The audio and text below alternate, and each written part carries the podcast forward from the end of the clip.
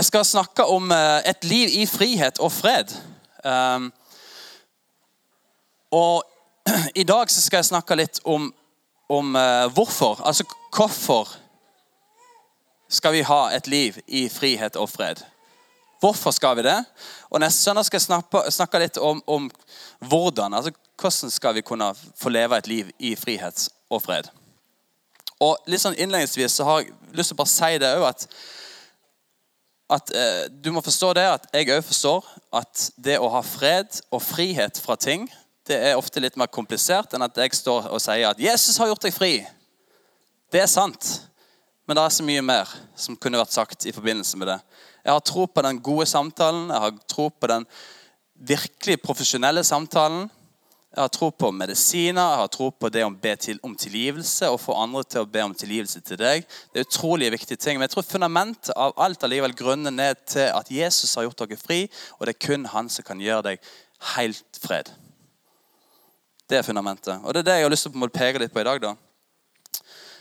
Eh, så hvis vi har litt lyd nå, så har jeg lyst til å bare gi dere en liten innføring i, i, uh, i et lite klipp her om, om dyr da, som opplever det å endelig få frihet.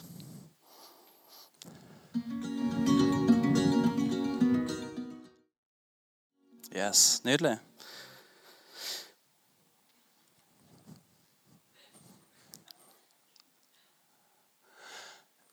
Vi skal ta oss og lese fra Lukas 4, 18-19. Det er Jesus som sitter i synagogen. Han har slått opp skriftsrullen fra Jesajas bok og han leser som en slags proklamasjon om at nå har faktisk nåden kommet. Jesus har kommet. Han leser det over seg sjøl og for folket. Herrens ånd er over meg, for han har salvet meg til å forkynne evangeliet for de fattige. Han har sendt meg for å helbrede dem som har et sønderknust hjerte, og for å rope ut frihet for fanger, og for at blinde skal få syn igjen, for å sette undertrykte i frihet, for å rope ut et nådens år fra Herren. Vi ber. Jesus, vi takker Herre for at du faktisk kom for 2000 år siden. Jesus. Til en syk, ødelagt verden, Herre. Du kom med svaret, Herre. Du kom med nøklene. Du kom med frelse, Herre. Du kom med helbredelse, Jesus. Takk, Herre, for du viser vei, Herre, i dag òg. Takk for du ønsker å dra oss nærmere deg, Herre Jesus, inn i denne relasjonen som, som faktisk iverksetter de her tingene i oss, Jesus. Men òg for at vi skal gi det videre til andre mennesker, Herre. Takk, Herre Jesus. Amen.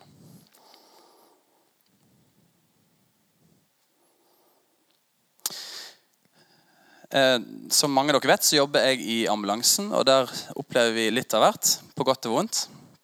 Mye kjekt, litt trist, og av og til noen ting som er litt tøffe. Um, det var en gang jeg var på et oppdrag der vi kom til en person uh, som hadde noe som heter kols.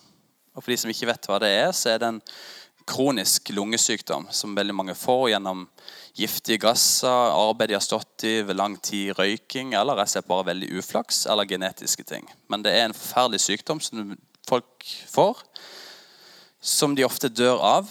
Og det fører egentlig til en sakte, men, sakte, men sikker kveling. De slutter å puste til slutt.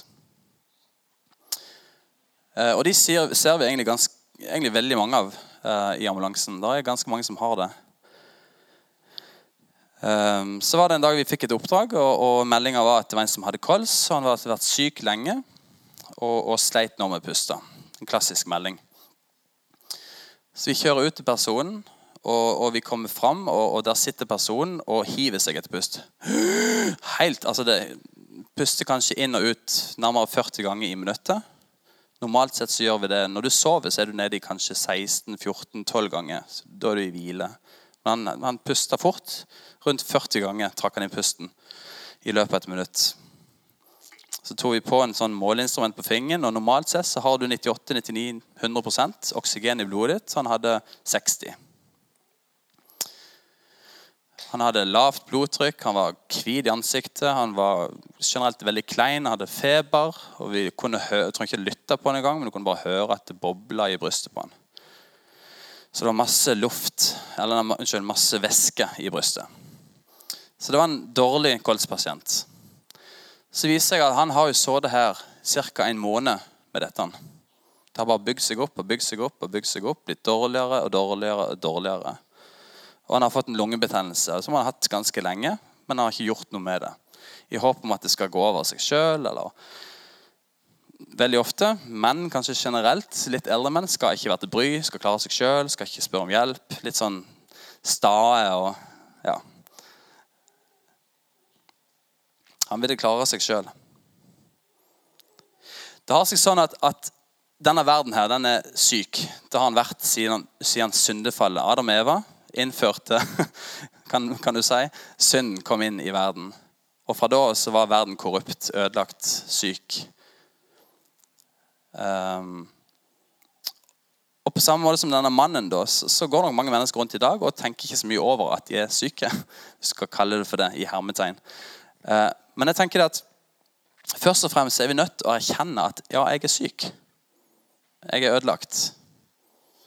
At en er nødt til å få en slags enten åpenbaring, eller noen forteller det til deg, eller at en leser det, eller hva som helst. Men at en bare Ja, jeg, jeg, der er noe gale.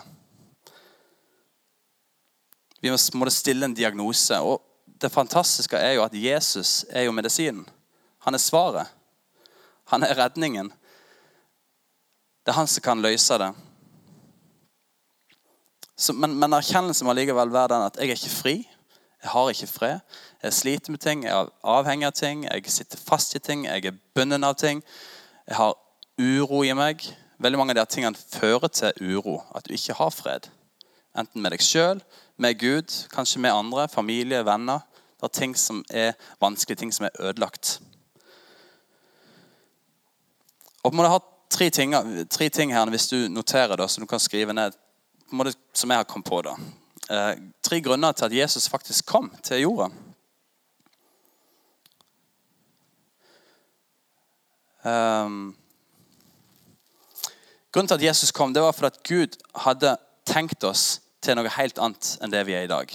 Hans plan, hans intensjon, hans hensikt med å skape mennesker var for at vi skulle ha fred, vi skulle ha fri, vi skulle ha et fellesskap med Gud, vi skulle ha fred med oss sjøl, fred med Han, fred med mennesker, fred med naturen. Nummer to grunnen til at Jesus kom, høres kanskje litt rart ut, men det er faktisk sant. For at vi skal bli bedre mennesker. Plain and simple. Vi skal bli bedre mennesker. Vi er noen elendige mennesker, eh, og det kan svinge litt kanskje av og til. Men grunnen til at Jesus også kom, var for at vi skal bli et bedre menneske. En høyere standard. Og Den tredje er for at Gud ønsker at vi skal forandre denne verden. Jesus han kom ikke kun for å, for å sikre deg en billett til himmelen. At den dagen du blir frelst, sier ja til Jesus, blir født på ny, som Bibelen kaller det for, ja, så er jobben ferdig, liksom. Det er han absolutt ikke. Han ønsker jo at vi skal da etter hvert begynne å vokse, og at vi skal føre det her videre til andre mennesker, så de skal få lov til å se lyset, skal få lov til å smake medisinen, skal få tak i i livet, i freden, i gleden, i håpet.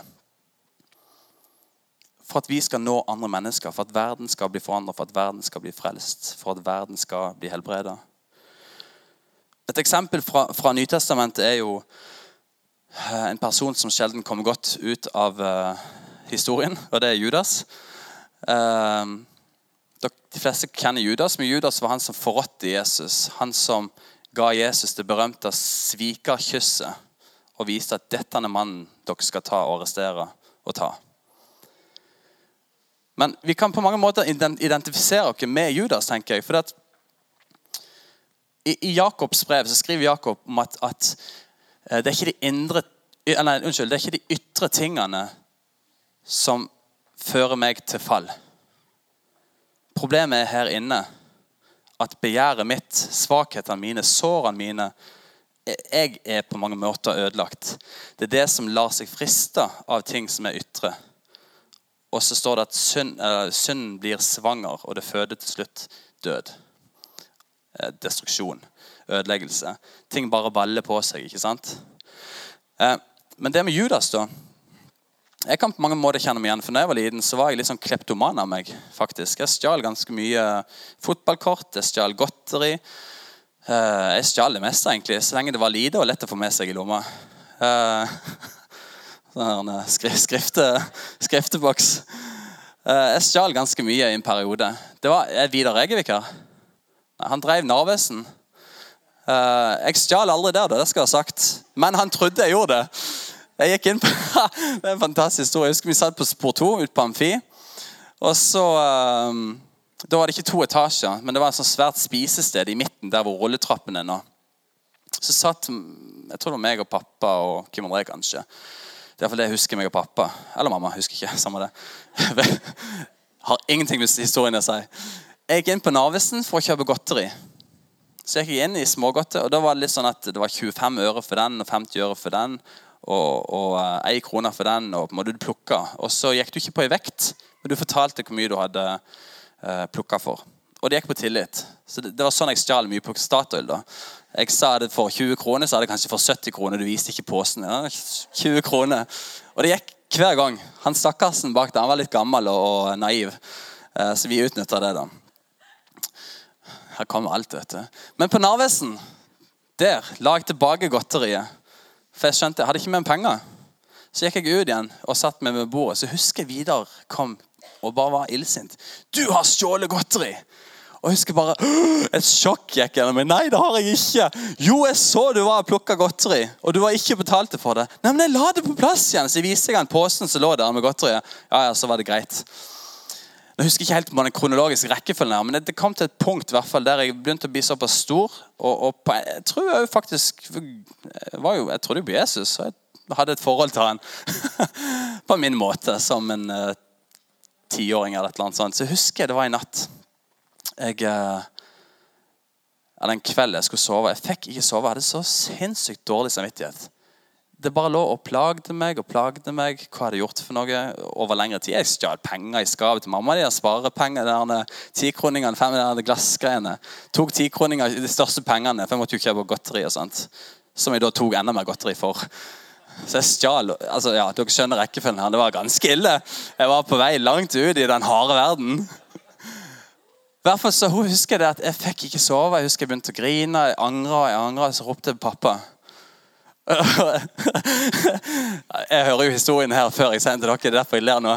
Eh, for greia Jeg sa til pappa at jeg har, jeg stjålet penger. Husker du? Jeg har stjålet på Statoil. Jeg har tatt uh, godteri. Spør spurte jeg, hvor mye er det snakk om. Nei, Jeg vet Og jeg visste jo at det her var jo mange hundre kroner. Ikke sant? Kanskje 1000 kroner. For jeg har gjort det her i et par-tre år. Så sa jeg nei, jeg tror det er 150 kroner.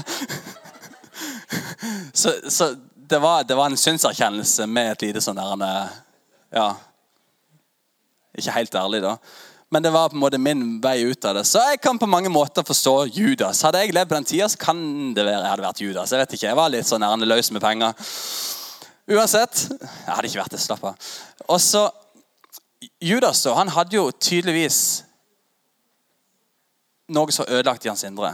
Jesus visste om det allikevel. merkelig nok. Altså, av og til skjønner jeg ikke Jesus, men han ga han ansvaret for pengekassa i klubben. ikke sant? Judas, jeg ser det er potensial i deg. Jeg gir deg ansvar for pengene. ikke sant? Og så Judas han, det, Jeg husker ikke hvor det står, men jeg tror faktisk det står han må korrigere meg, men det står at han tok litt penger fra kassa. Ja, yes. Åsmund teologen nikker. Så han, han, og, og, Det her visste jo Jesus om. Han visste jo det meste. ikke sant? Uh, men det var noe dypt i Judas. Det var et problem hos Judas. Et begjær etter penger. Et begjær etter det estetiske. Ting skulle se flott ut. Han hadde de fresheste sandalene. ikke sant? Den kuleste kåpa med den streka gikk ned. Den nyeste var trygt i Jerusalem. ikke sant? Og han var opptatt av de her tingene. Og når da endelig tilbudet kom For fariseerne var jo ute etter muligheter for å få tatt Jesus. Og Han gikk jo selvfølgelig til hans nærmeste. Du har kanskje opplevd det noen gang. Når han prøver å ta deg, ja, så går, til, går folk til vennene dine. Fienden går til mennesker rundt deg og prøver å knekke deg på den måten. En vei inn. Så fikk i, de fikk tak i Judas, da. Og han sa ja, ok, eh, han, han ville gjøre det, for han visste han fikk penger. 30 sølvpenger og sånt. Det var ganske mye den tida. Ikke nok for å forråde Jesus, for all del. Men, men, uh, men Judas falt på den måten. Um, og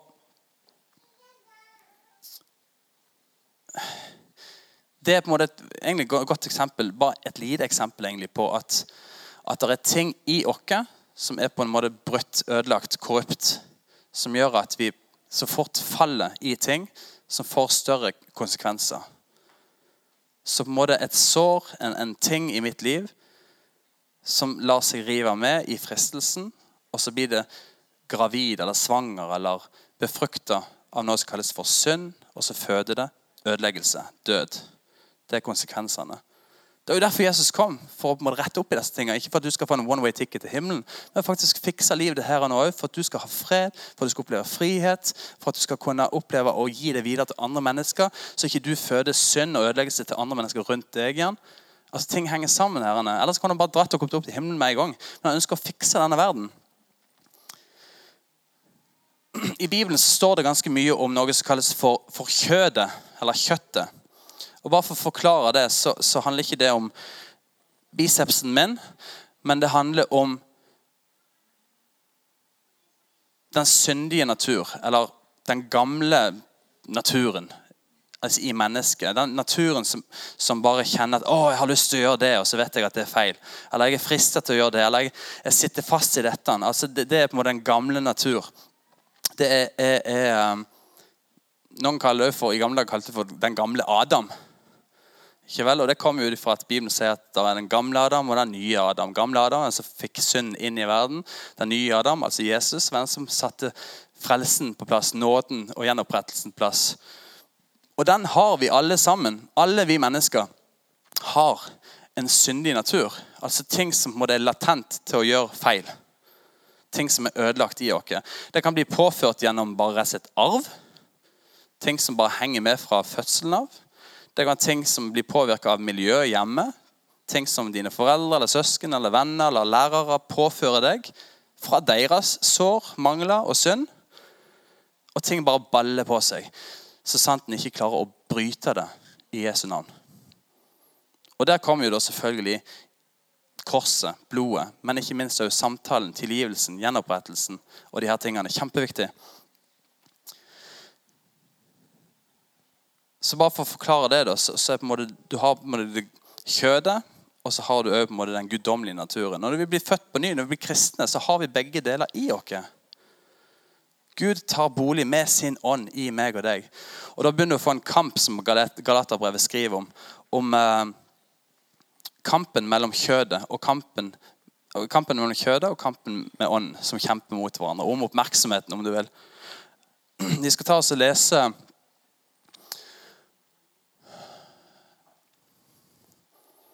Det var kanskje litt for langt, det. Nei. Galaterbrevet 5, 16-17 så sier Paulus da til galaterne vandre i ånden, og dere skal slett ikke fullføre kjøttets begjær. For kjøttet står imot ånden, og ånden imot kjøttet. Og disse to står imot hverandre for at dere ikke skal gjøre de ting dere vil. Altså Det er på en måte en slags kamp mellom det i meg som, som ønsker å gjøre det som ikke er bra, som bare avler synd og, og, og ødeleggelse. Og så er det da en kamp der Gud sjøl prøver å påvirke meg med sin natur.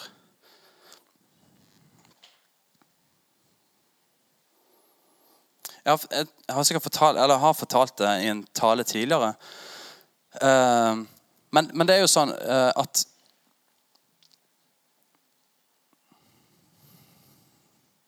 For det første jeg vil bare si før jeg begynner, at det der er uh, jeg tror det er viktig å respektere hverandres prosesser.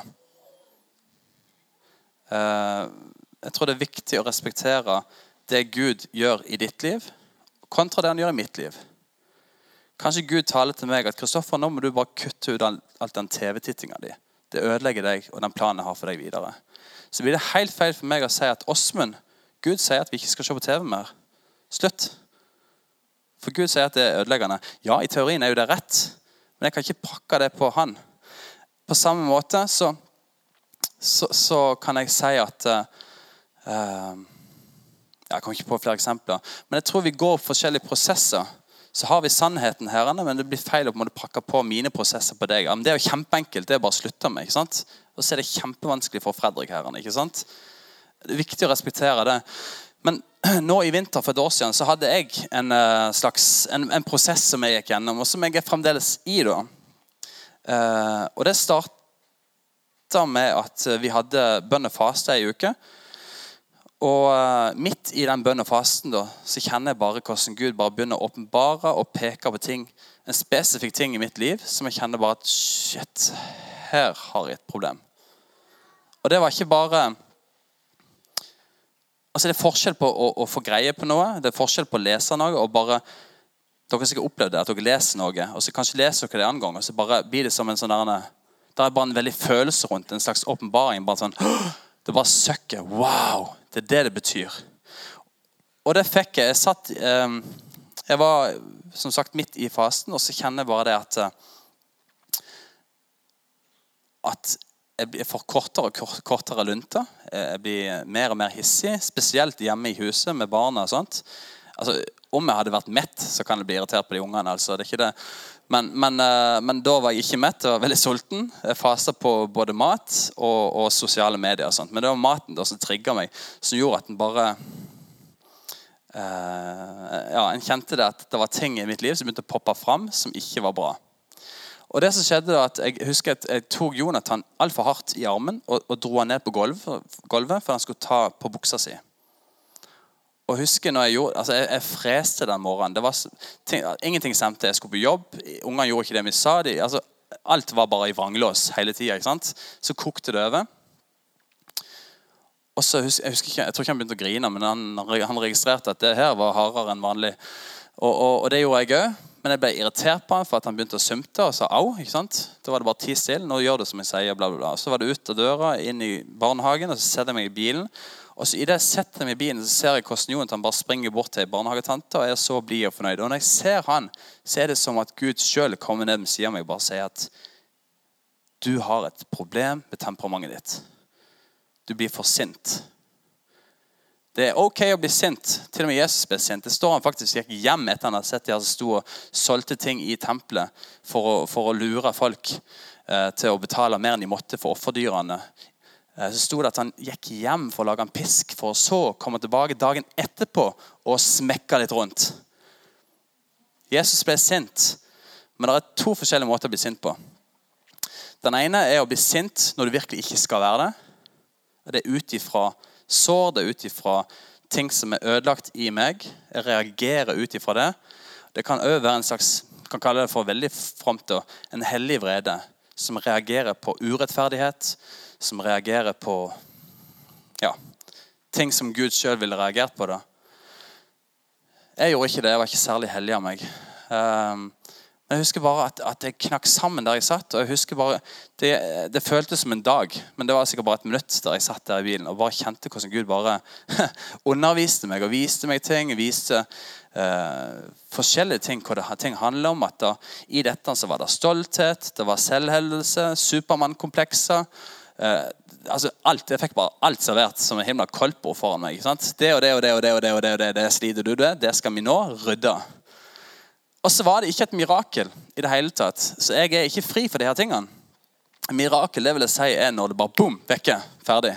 Det er folk som måtte har vært rusavhengige i mange mange, mange, mange, mange, mange, mange, mange år. Blir frelst. Boom! Ikke et sug. Et såkalt mirakel, vil jeg si. Men veldig veldig ofte, kanskje de aller fleste gangene så går det i prosesser. Det tar lang tid. For jeg tror Gud sjøl vil lære oss ting i forhold til avhengighet med Han. Han vil lære oss ting i forhold til det å seire over ting. Vise hvem han er i prosessene òg. Eh, og, og, og, det går jeg gjennom nå. Og jeg ser bare på en måte Det som er så fantastisk nå, når jeg, klar, når jeg er klar over det Nå ser jeg at ok, her har jeg et gigaproblem. Men det fantastiske er at Jesus han er medisinen. Han er løsninga. Han er svaret. Og jeg har fremdeles gjort feil, men nå er jeg klar over det. Så vet jeg at ok, nå skal jeg gå tilbake og be om unnskyldning. Jonathan eller Benjamin eller hvem det måtte være. Kanskje i menigheten òg, der han bare snapper litt. Jeg beklager at jeg sa det på den måten, eller jeg gjorde det. Eller, eller, eller at jeg Ja. Og i de prosessene der så er det helbredelse. I de prosessene så er det seier. I de prosessene så er det frihet og til slutt fred. Er dere med? Ja. Er det ikke det vi ønsker å ha? Å dø bort fra de her forferdelige tingene som bare er med å ødelegge for oss. Og kjenne at Gud sjøl kan komme og gi oss av hans frukter, av hans side, av hans uh, guddommelige uh, attributter, om du vil, som, som, bare kan prege oss i mye større grad og oppleve at en seier over de tingene som er lenge nok har kanskje vært bundet av, eller ligget under, eller vært et offer av. Nå trenger jeg dere gutter. Timek og Kristian. Og så trenger jeg en uh, gutt til. Matteus, kan ikke du komme? Nå skal vi gjøre et lite sosialt eksperiment. Matteus, kom. Gutter, kom opp. Kristian, du kan stå her. Så kan Timek kan stå her borte. Og Matteus, du kan ta den. Og så håper jeg at vi har nok. Hvis ikke så er det ikke så veldig farlig. Men del ut en lapp til hver. Og så kan Daniel sette på litt bakgrunnsmusikk.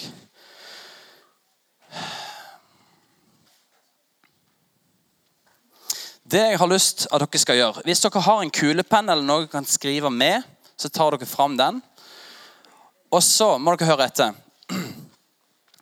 Det jeg har lyst til at dere skal gjøre nå, er at dere sjøl skal skrive ned noe på den lappen som dere opplever enten sjøl er vanskelig i ditt liv, som du opplever er ødelagt, som du opplever er en svakhet, eh, sier ved deg sjøl som du ikke er glad i, som du vet at kanskje Gud òg ønsker at du skal bli satt fri fra. Og nå ønsker ikke, det her skal ikke være noe sånn der, jeg ønsker ikke at det skal være noe sånn masse det skal, være, det skal ikke bli kleint, for å si det sånn. da. Vær litt forsiktig med hva du skriver. Og alt skal ikke leses opp. Slapp helt av. Men jeg, har lyst, jeg skal ta teipe det på den lappen her, bare for å illustrere. Så jeg leser kanskje noen ting. Men det skal være veldig Jeg ønsker å gjøre det her litt sånn anonymt, for å si det sånn, men bare for å lage et eksempel. Ønsker du ikke å skrive, så gjør du ikke det. Helt i orden. Men kjenner du der ting som ja, dette kan jeg skrive, dette jobber jeg med, dette sliter jeg med dette... Eller du kan jo bare skrive noe som er helt random. At dette er en big issue som, har, som jeg har tenkt på mye i det siste. Det trenger kanskje ikke angå deg. Så har jeg eh, et par sånne småtysjer og kulepenner her hvis ikke alle har. Men kan vi ikke ta, hvis dere vil lette på rumpa for å hente en penn, sånn, så gjør du det. Eh, så tar vi tre-fire minutter. Kjenn i ditt indre om det er ting du ønsker å skrive. Så skal vi ha litt kjekt. Jeg legger pennene her.